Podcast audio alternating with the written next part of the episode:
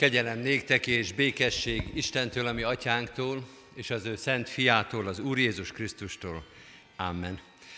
Kedves testvéreim, ünneplő gyülekezet, a mai napon a 11-es istentiszteleten keresztelőre készülünk, Juhász Róza keresztelőjére, itt ez a kislány előttünk, Juhász János és Nyári Szilvia második gyermeke, itt van a nagy testvér is, őt is szeretettel köszöntjük.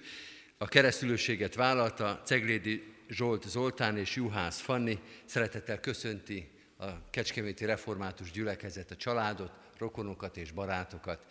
Készüljünk a keresztelőre a 167. dicséretünk első verszakát énekelve. Az első verszak így kezdődik, jöjj, mondjunk hálaszót hűszájjal és hűszívvel.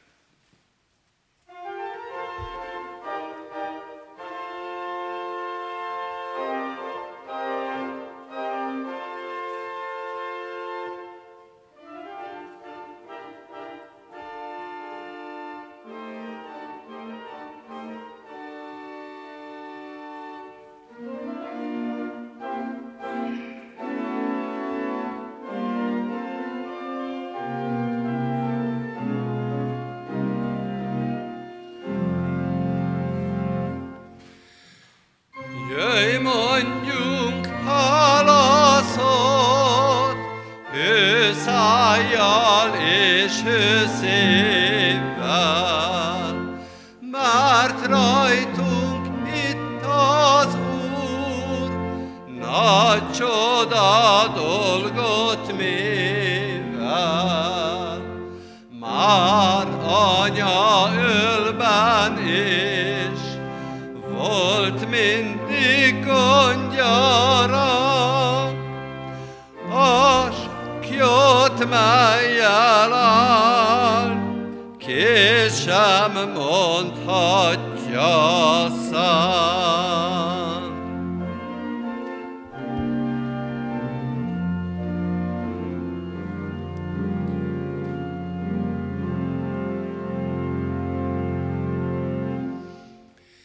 Kedves szülők, keresztülők, kedves barátaim, hallgassátok meg, mit mondott Jézus a tanítványoknak mennybe menetele előtt, amikor megszólította őket és a keresztség sánkramentumának szentségének a kiszolgáltatására fölhatalmazta őket.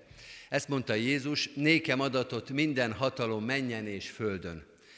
Elmenvén azért tegyetek tanítványokká minden népeket, megkeresztelvén őket az atyának, a fiúnak és a Szentléleknek nevébe, tanítván őket, hogy megtartsák mindazt, amit én parancsoltam néktek, és ime én veletek vagyok minden napon a világ végezetéig. Amikor most ezt a kislányt, Juhász Rózát megkereszteljük, ennek a parancsnak fogunk engedelmeskedni. Valljuk meg most a keresztelőre készülő családdal együtt a Szent Háromság Istenbe vetett hitünket az apostoli hitvallás szavaival. Hiszek egy Istenben, mindenható atyában, mennek és földnek teremtőjében, és Jézus Krisztusban, az ő egyszülött fiában, ami Urunkban, aki fogantatott Szentlélektől, született Szűz Máriától, szenvedett Poncius Pilátus alatt, megfeszítették, meghalt és eltemették. Alá szállt a poklokra. Harmadnapon feltámadt a halottak közül, fölment a mennybe, ott ül a mindenható Atyaisten jobbján, onnan jön el ítélni élőket és holtakat. Hiszek szent lélekben, hiszem az egyetemes anyaszent egyházat, a szentek közösségét, a bűnök bocsánatát, a test feltámadását és az örök életet. Amen. Kedves szülők és keresztülők, arra kérlek most titeket, hogy a következő két kérdésre hallható szóval is válaszoljatok. Először azt kérdezem, akarjátok-e, hogy gyermeketek a keresztség által az Atya, a Fiú és a Szentlélek Isten szövetségébe, a keresztény Anya Szent Egyházba befogadtassék. Ha így van, válaszoljátok, akarjuk. Ígéritek-e, fogadjátok-e, hogy gyermeketeket úgy nevelitek és neveltetitek, hogyha majd felnő, a konfirmáció alkalmával ő maga önként tegyen vallást a Szent Háromság Istenbe vetett hitéről a gyülekezet előtt. Ha így van, válaszoljátok, ígérjük és fogadjuk. Most hozzátok forduló keresztény gyülekezet, ígéritek-e, hogy ezt a gyermeket szeretetben és imádságban hordozzátok, és a szülőknek, keresztszülőknek minden segítséget megadtok ahhoz, hogy őt hitben neveljék. Ha így van, válaszolja a gyülekezet, ígérjük. Isten adja áldását, szent lelkének vezetését, hogy a kimondott szavunkat megtarthassuk, ő segítsen ennek megtartásában. Imádkozzunk. Mennyei atyánk, először nem is segítséget kérünk tőled, hanem hálát adunk neked. Hálát adunk Róza életéért, ezért a kis gyermekért, azért a tengernyi sok ajándékért, amit rajta keresztül már eddig is adtál a szülőknek, a családnak, rokonoknak és barátoknak. Ajándék az ő élete, és ajándék az is, hogy most itt lehetünk, és érte imádkozhatunk. Ezt tesszük most, sokszor magunkért, sokszor nagy és fontos dolgokért, de most az ő keresztelőjekor elsősorban ő érte imádkozunk. Légy az ő gondviselő atya, kísérd az ő életét minden élethelyzetben, jóban és rosszban, fájdalomban és hálaadásban. Légy ott mellette, úgy, hogy ezt ő is érezze, hogy lássa. Ismertesd meg magadat ő vele, hogy megismerjen téged, mint mennyei atyát, Jézus Krisztusban, mint megváltót, a Szentlélekben, mint az ő megszentelőjét és vezetőjét. Légy mellette akkor is, amikor mi már nem tudunk ott lenni, vagy az erőnk kevés, hogy tehetetlenek, vagy tanástalanok vagyunk mi magunk is, a Te jelenléted legyen áldás és segítség és vigasztalás az ő egész életében. Növeld őt hitben, szeretetben, erőben, állj mellette Jézus Krisztusért, ami megváltónkért, az ő megváltójáért. Amen. Juhász Róza, keresztelek én téged az Atyának, a Fiúnak és Szentlélek Istennek nevében. Amen.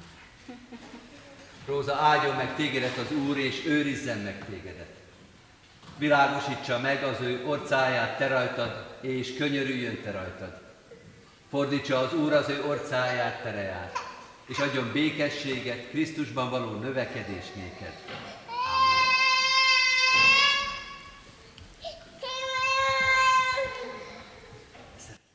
Kedves testvérem, foglaljuk mi is helyet, és a már megkezdett énekünkkel, a 167. dicséretünknek a második és harmadik verszakának eléneklésével kérjünk áldást Róza életére. A második verszak így kezdődik, dús kincséből az Úr jó békességet adjon.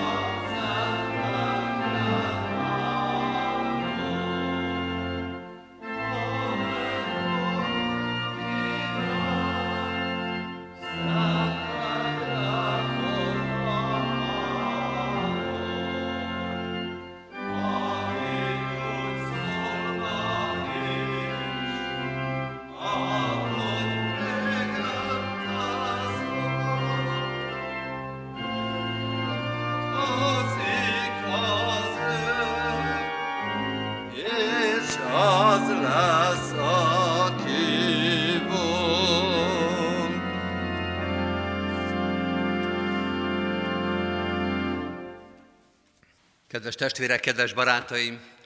Isten tiszteletünknek további megáldása is az Úr nevében van, aki teremtett, fenntart és bölcsen igazgat mindeneket. Amen. Hajtsuk meg a fejünket és imádkozzunk. Urunk, nem csak ez a kis család, hanem az egész gyülekezet hálát ad neked. Minden olyan alkalommal is, amikor keresztelővel kezdhetjük az Isten tiszteletet, mert nem csak a család, hanem a gyülekezet, az egyház is örömként, ünnepként, ajándékként éli meg ezt a pillanatot. Azt látjuk a te szeretetedben, kegyelmedben, hogy újra és újra megújul a te elhívó jelenléted. Itt vagy velünk, és megszólítasz minket, sokkal korábban, mint ahogy azt mi ezt felfoghatnánk, sokkal biztosabban, mint ahogy azt mi szervezhetnénk, sokkal nagyobb távlatokkal, mint ahogy azt mi el tudnánk képzelni. Ezt kérjük most is ezen az Isten tiszteleten, mutasd meg a Te hatalmas szeretetedet.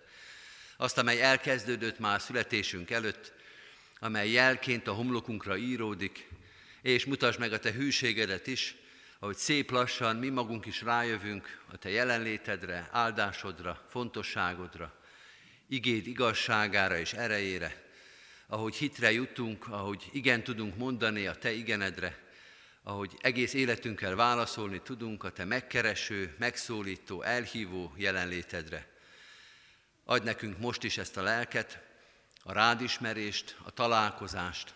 Tisztíts meg minket, hogy ne elrontott életünk zűrös dolgaival kelljen állandóan foglalkoznunk, hanem szabadon, tőled megszentelve, általad megtisztítva, téged hallgathassunk, tőled tanulhassunk, az életünket hozzád igazíthassuk. Így kérünk most is, ezen a mai napon szólj hozzánk, mert az igédre van szükségünk, a jelenlétedre van szükségünk, az áldásodra, a kegyelmedre, a bűnbocsátó szeretetedre, hogy az életünk újra és újra, napról napra, óráról órára visszataláljon hozzád. Légy velünk és taníts minket Krisztusért, ami megváltunkért. Amen. Kedves testvérek, Isten igéjét Mózes 5. könyvének a 28. részéből olvasom, ez a mai Ószövetségi ige szakaszunk, annak a 15. versétől a 20. verséig így szól Isten igéje. De ha nem hallgatsz az Úrnak, Istenednek szavára, ha nem tartod meg és nem teljesíted minden parancsolatát és rendelkezéseit, amelyeket ma megparancsolok neked, akkor rád szállnak mindezek az átkok, és kísérni fognak téged, átkozott leszel a városban, és átkozott leszel a mezőn, átkozott lesz kosarad és sütőteknőd, átkozott lesz méhegy gyümölcse és termőföldet gyümölcse, teheneid ellése és juhaid szaporulata, átkozott leszel jártodban, keltedben. Átkod, zűrzavart és fenyegető veszélyt bocsát rád az Úr minden vállalkozásodban, amelyebe belefogsz, úgy, hogy hamarosan elpusztulsz és elveszel gonosz cselekedeteid miatt, mivel elhagytál engem. Eddig Istennek írott igéje, foglaljuk el a helyünket.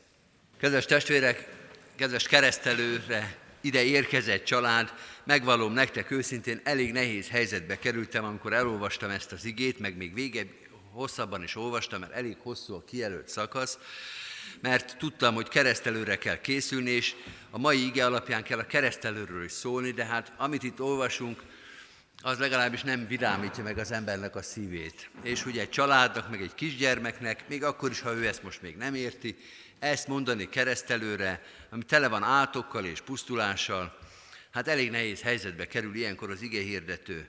Mert jó lenne, hogyha tudnánk fegyelmezetten követni mindig Isten igéjét, nem pedig úgy szaladgálni a Szentírásba, hogy lehetőleg azok az igék jöjjenek, amelyek jó hallgatni, amit olyan kényelmes elünk magunk elé venni, hanem következetesen vennénk Isten igéjét, de hát mégis az ember azt szeretné, hogy pláne egy keresztelőre legyen az ige vigasztaló, reményteljes, perspektívikus az egész életre, hogy szépen besugározzon, és azt mondhatjuk, hogy hát ezt tudjuk Rózának ajánlani, ilyen lesz majd az élet az Úristennel.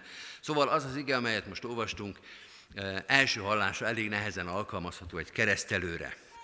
Nem egy keresztelő ige, eh, és azt is kell mondani, és talán ez már a magyarázatnak is a része, hogy nem is keresztelői helyzetben hangzott el, nem azért, mert ószövetségi, és akkor még a keresztelés, mint gyakorlat nem volt meg, hanem azért, mert egy egészen más és nagyon konkrét helyzetben hangzik el. Először azt kell megértenünk, és utána rá fogunk jönni az a reménységem, hogy nem is áll ez olyan messzire a keresztelőtől, nem is lesz olyan nehéz alkalmazni egy olyan helyzetre, amikor ennek a kislánynak a keresztelőjét ünnepli nem csak a család, hanem a gyülekezet.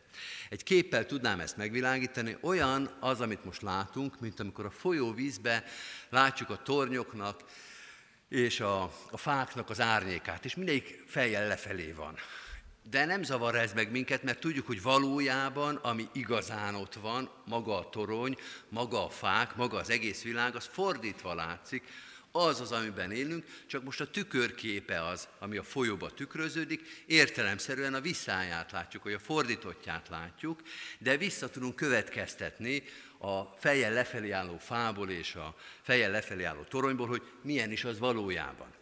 Itt is egy fejjel lefelé fordított világot látunk, amiben nem ez a lényeg, amit itt látunk, hanem az, ami fölfelé néz, ami valóságban van.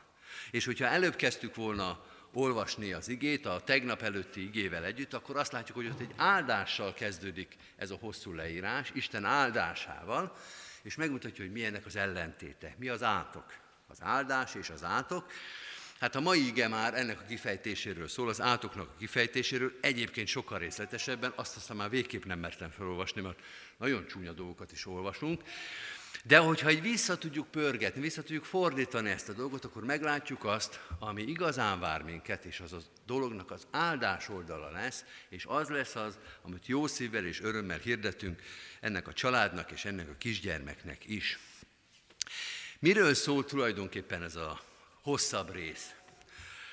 Maga Mózes 5. könyve a törvény megismétlése, a törvényadás és az Istennel való szövetségkötésnek a megismétlése. Erről volt már szó az Isten tiszteleteken, hogy ezt annyira fontosnak tartja az ószövetségi teológiai gondolkodás, hogy gyakorlatilag újra leírja. Nem csak azt mondja, hogy majd lapozzatok vissza a kettő Mózeshez, mert az fontos, hanem bizonyos részeket szó szerint újra leír, még egyszer elismétli, mert azt mondja, hogy ezt ennek a népnek, Isten kiválasztott népének nem szabad elfelejtenie, újra és újra ismételgetnie kell, hogy megtanulja. Tehát a felolvasott rész sem elsősorban arról szól, hogy mit cselekszik Isten, hogy hogyan büntet Isten, hanem egy világképről szól, hogy hogyan kell megértenünk az embernek az életét, ebben a világban. Az emberről szól tulajdonképpen, az embernek a helyzetéről, az embernek az Istennel vadó viszonyáról. Nagyon leegyszerűsítve két világkét kép, emberkép állít egymás mellett, még azt is lehetne mondani, hogy két emberkép állít egymással szemben. Az egyik az úgy írható le, hogy az Isten nélkül élő ember, az Istenben nem bízó ember önmagát mint autonóm lényt látja, ezt szeretné látni, aki egy, egyedül is elboldogul a világban.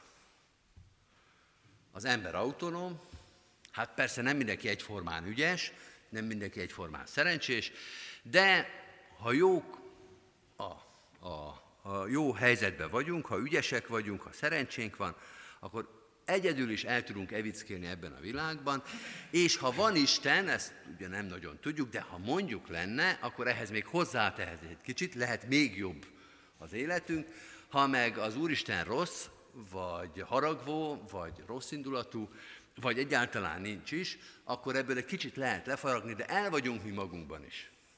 Nincsen szükségünk senki külső segítségre. Nem mindenki fog egyformán boldogulni, nem mindenki végez ugyanúgy a versenybe, de az ember önmagának, önmagában elég. Lapozunk egyet, és azt mondjuk, hogy na és mit mond erről a Szentírás? Mert ezt nem a Szentírás mondja, ezt az ember szokta magáról mondani. Vagy ha nem is mondja, de ezt gondolja. Vagy ha nem is gondol rá, de önkéntelenül is így cselekszik. Mintha így lenne, mintha Isten nem is lenne valahogy a saját életünket meg kell oldani. Ezzel szemben a Szentírás azt mondja, hogy az ember csak Istennel kapcsolatban értékelhető. Nem egyedülálló az ember. Nincs egyedül az ember. És ebben az értelemben nem is önálló az ember. Ha az Istennel kapcsolatban van az élete, ha be van csatornázva az Istenhez az élete, akkor működni fog az élet. Az az áldás, amikor működik az élet. Amikor dolgozunk, és annak van eredménye. Amikor tervezünk, és azt végre tudjuk hajtani. Ez az áldás kategória. De ez csak Istennel együtt működik. Hogyha az Istenhez van élő kapcsolatunk, és ha ez a kapcsolat nincsen, vagy megszakad, vagy megromlik, akkor nem fog működni az élet. Ezt nevezi átoknak. Vagy egy másik gondolatkörben ezt nevezi hiába valóságnak. Hogy dolgozunk, de nem lesz a munkánknak eredménye. Vagy ami egyébként rosszabb, hogy lesz eredménye, csak nem a miénk lesz az eredménye. Hogy elviszik tőlünk, hogy kiveszik a kezünkből. Hogy tervezünk, de nem, lesz, nem valósul meg. Hogy mindig mindent újra kell kezdeni. Hogy nem tudjuk átörökíteni sem a fizikai, sem a materiális, sem a szellemi eredményeinket, mert mindent megemészt az, az idő, a történelem, minden erodálódik, hogy az élet egyre-egyre csúszik lejjebb, hogy úgy érzi az ember, hogy mindig rosszabb az élet, ha nincsen becsatornázva az életünk az Istenhez, akkor ezt az eróziót fogjuk érezni. És ez lesz az életünknek a vezérlő elve, a vezérlő tulajdonsága, tapasztalata, hogy romlik, hogy veszendő, hogy hiába való, hogy nem áldott, hanem átkozott az életünk. Hadd mondjak egy nagyon egyszerű fizikai példát, olyan ez, mint a lámpának az izzója. Ha be van kapcsolva az áram közbe, körbe, akkor világít. Ha nincsen bekapcsolva, ha megszakad az áramkör, olyat is tudok mutatni, nem ezért, de most ez a lámpa így működik, akkor nem világít. Ha nem vagyunk bekapcsolva az Isten áramkörébe, akkor nem fog világítani az életünk. Egyébként lehet maga az izzó nagyon drága, hosszú élettartalmú, szép, melegfényű, minden jót elmondhatunk róla, ha nincs az áramkörbe, akkor az egész nem ér semmit. Akkor nem működik. És a Szentírás ezt mondja az ember életéről. Hogy Isten nélkül olyanok vagyunk, mint egy áramkörbe be nem kapcsolt izzó. Az alaptevékenységünket, az alapfunkciónkat nem tudjuk gyakorolni. Hiába való az életünk. Az egész Mózes 5. könyve erről szól, hogy Isten szövetségese vagy. Az Isten kiválasztott téged, megszólított téged, na most közeledünk a keresztelőhöz, mert a keresztelő ennek a szövetségnek a jele, kiválasztott téged erre, becsatornázott téged, bekapcsolt az ő áram körébe, ettől lesz az életed áldásá. Ettől lesz az életed áldott. Ettől van reménységed arra, hogy az életed nem egyes egy, külön elemekbe, de az egész életed áldás, hogy az világít, hogy az prosperál, hogy annak van értelme, akkor is, hogyha a világban bármi megtörténhet körülötted, akkor is van értelme az életednek. Ha lekapcsolódtuk erről az áramkörről, akkor jön a textus, akkor jön az, amit olvastunk, és olvashatnánk hosszan. 5 Mózes 28, az elejétől a végéig. Hogy képes az élet sehogy sem működni. Az ember azt gondolja, hogy ha végigolvassa ezt az egész igét, hogy azért ez egy kicsit túlzás hogy soha semmi nem jön össze, hogy minden rossz, amit itt olvasunk, az bekövetkezhet. Hogy nem túlzás, egy kicsit túlspilázták, túlhúzták ezt a dolgot ott a Szentírók, hogy ennyi rossz nincsen. De kedves testvérek, bizony, hogy van. Ki ne ismerne olyan élettörténetet, akár egyéni történetet, akár egy népnek a történetét, hogy az ember azt gondolja, hogy hát ennyi rossz már nem lehet az életébe. Hát az már nem történhet meg, hogy nem elég, hogy elveszítette a munkáját, nem elég, hogy ott hagyta a házastársa, nem elég, hogy még beteg is lett, és akkor még egy balesetet is elszenved. Hogy valahogy néha úgy érezzük, hogy aránytalan az élet, és annyi rosszat mér egy emberre, hogy az ember úgy érzi, hogy hát ez már nem lehet igaz. Hogy az átoknak, a hiába valóságnak, az Isten nélküliségnek nincsen alsó határa, amikor azt mondja az ember, hogy hát ennél már biztos nem lesz rosszabb. Szoktunk ilyet mondani, de ez egy hiú önáltatás, hogy már ennél rosszabb úgysem lehet. Tehát testvérem, lehet.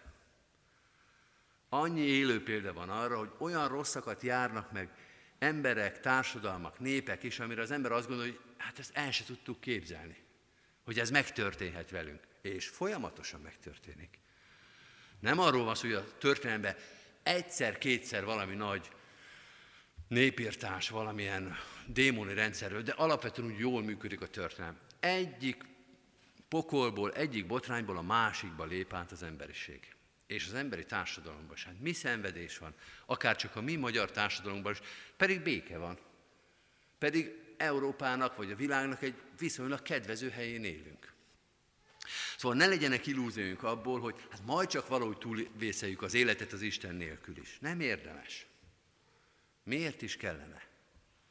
És az öt Mózes egész könyve erről szól, amikor azt mondja Izraelnek, miért kéne neked Isten nélkül élned, miért kéne kockáztatnod ezt az igét, amikor ott van az előzőge, az áldása, hogy mi jár az Istennel együtt, hogy mit kapsz az Istentől, hogyha vele jársz. Úgyhogy még egyszer visszamegyek az első képre, olyan ez az élet, mondja Mózes 5. könyve, mint a vízben tükröződő világ. Hogy ne azt választ, ahol minden lefelé néz, hanem ugyanennek van egy pozitív része. És ennek a róza lánynak is ezt tudjuk ajánlani, hogy ebben a világban van egy olyan perspektíva, van egy olyan valóság, ahol minden fölfelé néz. Minden valóságos, minden erős. Nem kell. Nem kell megkockáztatni, hogy milyen az élet, amikor lefelé néz, amikor minden az ellenkezőjével igaz. Még egy rövid dologra szeretném fölhívni a figyelmet, ami szintén kapcsolódik a kereszteléshez, de mindannyiunknak fontos. A felolvasott részben, a 15. versben ezt mondja Isten igéje, de ha nem hallgatsz az Úrnak, Istenednek a szavára, ha nem tartod meg és nem teljesíted minden parancsolatát és rendelkezését, amelyeket ma megparancsolok neked. Erre a mondat részre hívnám fel a figyelmet, amelyet ma megparancsolok neked. Ez a megparancsolni, ez megint olyan keménynek tűnik, de én azt gondolom, hogy itt is egy pozitív dolgot emelhetünk ki, hogy amit az Úristen elvár, tudnunk azt, hogy legyünk az ő áramkörébe, legyünk vele kapcsolatban, azt el is mondja nekünk. Megparancsolja, elmondja, elénk tárja. Nem olyat vár el, amit nem is tudunk, amit nekünk kellene kitalálni. Nem arról van szó, hogy semmi információnk nincs arról, hogy az Úristen mit akar, de azért teljesíteni kéne az akaratát, mert különben a fejünkre koppint. Mindent elmond. Mózes 5. könyve erről szól, elkezdi újra ismételni, mondja, tolba mondja a népnek, hogy mit kell megtartani. Minden tudása rendelkezésünkre áll. Tehát Isten biztosítja a feltételeket, hogy hozzá tartozzunk ezt az áramkört megmutatja hogy ide kell állnod, ezt kell tenned. Ez biztosítja az áldást az életedre. Majdnem azt lehet mondani, ez egy kicsit túlzás, majdnem azt lehet mondani, hogy biztosítható az Isten áldása. Azért nem illik ilyet mondani, mert az Úristen ebbe szuverén, tehát nem arról van szó, hogy zsebre tesszük az Úristent az áldásával együtt, de arra igenis utal ez az ige, hogy nem egy elérhetetlen állapot, amit Isten mond. Az áldás, a jó, a teljesség, a vele való harmónia, ami jó lenne, de hát hogyan is tudnánk mi azt elérni? Megmondja, elmondja. Amikor majd ez a kislány felnő, vagyis két év múlva, elmindul majd óvodába, akkor el fogjuk mondani, hogy melyik óvodában van református hittan. Sőt, van református óvodánk is. Amikor majd öt év múlva iskolába megy, akkor azt mondja, melyik iskolában van református hittan, és van református iskolánk is. Meg lehet tanítani egy egyéves, egy két éves, egy három éves, egy öt éves, egy ötven éves, egy hetven éves embernek, mindenkinek lehet tanulni, hogy mit is kér tőlünk Isten, mit mond, hogyan tudok én ebbe becsatlakozni, hogyan tudom elkerülni ezt az átok sorozatot, ami itt fölír, hogyan lehet az áldás oldalához csatlakozni. Minden információ itt van. A keresztülőkön és a szülőkön, a gyülekezeten, lelkipásztorokon, hitoktatókon, és valamennyiünkön múlik, hogy a magunk számára és ennek a kisgyermeknek a számára is elmondjuk, elé éljük, megmutassuk, és szó szerint is megtanítsuk, hogy ez az, ami az áldás oldalra visz hát téged, ami becsatornáz téged, beköt téged abba az áramkörbe, ami miatt az életed világító, fénylő, melegítő, másoknak áldást hozó élet lesz akár erről a kisgyermekről, Rózáról, akár saját magunkról gondolkodunk. Ezt halljuk meg ebből az igéből, hogy Isten nem megfélemlíteni akar, nem elkergetni akar, nem azt akarja megmutatni, hogy milyen rossz lesz nélküled, hanem az ellenkezőképet behív minket az áldásába, és azt mondja, ez a tiétek. Nektek készítettem, el is mondom, az utat is leírom, A lehetőséget fölvillantom, nem fölvillantom, a szátokba rágom, hogy hogyan lehettek ennek az áldott életnek a tagjai. Ezt kívánjuk ennek a kislánynak, a családnak, az egész gyülekezetnek, hogy legyünk Isten áramkörének a részesei, hogy életünk világítson, magunknak is és mások számának is áldássá legyen. Amen. Hajtsuk meg most a fejünket és imádkozzunk. Urunk, egy olyan világban, amennyi, amelyben annyi hiába valóság, annyi rossz, annyi gyarlóság van, köszönjük, hogy a Te áldásod is jelen van, sőt fénylik, sőt hívogat, sőt lehetőséget készít számunkra. Ezen a mai vasárnapon is ezt kérjük, legyen áldássá számunkra a Te jelenléted, a Te igéd, legyen áldássá a Te jelenléted és igéd ennek a kislánynak, Rózának az életében, és így imádkozunk az egész gyülekezetért is, itt lévőkért, távol lévőkért egyaránt, a Te jelenléted, a Te igéd, a Te szent lelked fordítsa az életünk minden Isten nélküli, Istent elfelejtett pillanatát áldássá, veled való közösségé.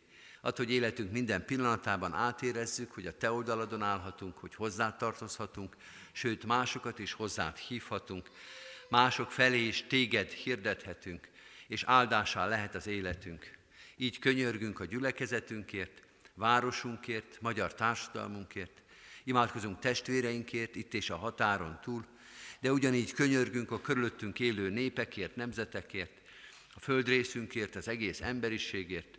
Urunk, tudjuk, hogy Te minden közösségünket számon tartod, a számunkra átláthatatlan, ismeretlen nagy közösségeket is látod, ismered, gondviselő atyánk vagy. Urunk, mutasd meg a Te kegyelmedet most is, nagy szükségünk van rá. Így adj békességet ember és ember között, népek és népek között. Így adj erősödést, gyarapodást, egymásra való odafigyelést. Nem csak ebben a, az országban és ezen a tájékon, hanem a föld minden pontján. Imádkozunk az egyházért, a Te egyházadért, Urunk, hogy valóban hűségesen hirdethessük igédet minden helyzetben. Különösen is imádkozunk az üldözött gyülekezetekért, azokért, akiknek az élete minden nap veszéllyel vagy félelemmel van tele. Te oltalmazd az életüket, Te adj világosságot, megbocsátást, szeretetet az emberi szívekben.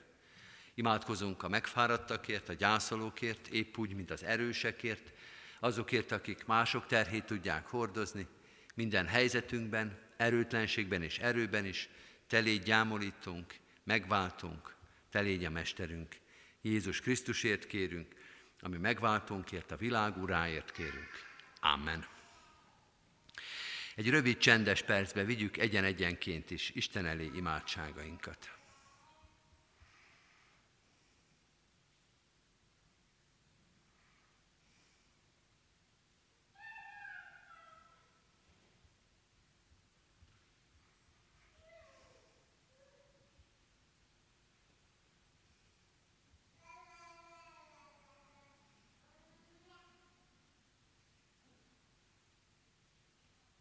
Amen.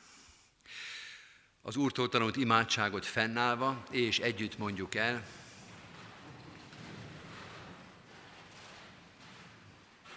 Mi, atyánk, aki a mennyekben vagy, szenteltessék meg a te neved. Jöjjön el a te országod, legyen meg a te akaratod, amint a mennyben, úgy a földön is. Mindennapi kenyerünket add meg nékünk ma, és bocsásd meg védkeinket, miképpen mi is megbocsátunk az ellenünk védkezőknek. És ne vigy minket kísértésbe, de szabadíts meg a gonosztól, mert tiéd az ország, a hatalom és a dicsőség mind örökké. Amen. Hirdetem az adakozást az ige szavával, hálával áldozatok az Úrnak, és teljesítsétek a felségesnek tett fogadásitokat. Mindezek után az Úr Jézus Krisztusnak kegyelme, Istennek, ami atyánknak szeretete, és a Szentlélek Istennek közössége legyen, és maradjon minnyájatokkal. Amen. Foglaljuk el a helyünket, kedves testvérek, és hallgassuk meg gyülekezetünk híreit. A kiáratoknál hirdetőlapokat találunk, ezen részletesen megtaláljuk a gyülekezeti élet híreit, szeretettel ajánlom ezt mindenkinek. Ma itt a templomban még délután négy órakor tartunk alkalmat, ez az általános iskolának az évzárója lesz, este hat órakor pedig az esti istentiszteletre hívunk mindenkit. Alkalmaink végig ott vannak a hirdető lapon, most egyedül csak a hétfői presbiteri gyűlést emelem ki, amely 6 órakor kezdődik, és nem a megszokott helyen itt benne a városban, hanem a katonatelepi templomba tartjuk meg. Imádkozzunk azokért, akik az elmúlt héten veszítették el szeretteiket. Isten vigasztaló szent lelke legyen a gyászoló családokkal. Ugyanígy hirdetjük a házasoló jegyeseket, elolvashatjuk neveiket a hirdetőlapon, Isten legyen gondviselő uruk egész életükben. A további híreket is megtaláljuk a hirdető lapon. Én az adakozási lehetőségeket emelem ki. Az elmúlt héten mintegy félmillió forint érkezett gyülekezetünk pénztárába, és összesen már a templom felújítására több mint 5 millió forint adomány érkezett. Köszönjük az adományokat, Isten áldja meg a jókedvű adakozókat. Két nagy kiemelt lehetőség van a gyülekezetünkben, amelynek támogatására kérjük a gyülekezet tagjait. Az egyik a templom felújítása, amely már elkezdődött, a másik pedig a Széchenyi Városi Gyülekezeti Központ felépítése, amelynek a tervezése van már folyamatban. Ott a Széchenyi városban, a lakótelepi környezetben egy 21. századi gyülekezeti központot szeretnénk létrehozni, hogy az ottani nagyon reményteljes és nagyon erős gyülekezeti munkánkat ez az új infrastruktúra támogassa. Ennek a tervezése már elkezdődött, a kivitelezése a jövő években várható lesz. Köszönjük, hogyha ezt támogatni tudják.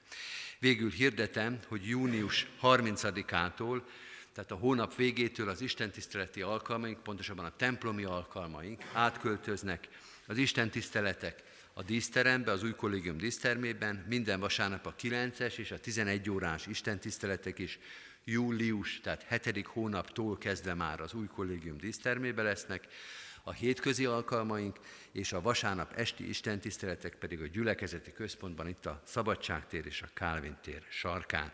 Mindenkitől türelmet és megértést kérünk, illetve azt, hogy az istentiszteletek megközelítéséhez egy kisebb kicsivel több időt szálljanak, mert most a változások miatt talán lesznek egy kis problémák ezzel. Végül szeretettel hirdetem, hogy ha valaki keresztelői oktatásra érkezett, kérjük, hogy az Isten tisztelet végén majd várjon meg. Most a záró énekünket énekeljük, ez a hónap éneke gyülekezetünkben a 373. dicséret, mind a nyolc verszakát énekeljük el, az első verszak így kezdődik, jövel teremtő Szentlélek. thank you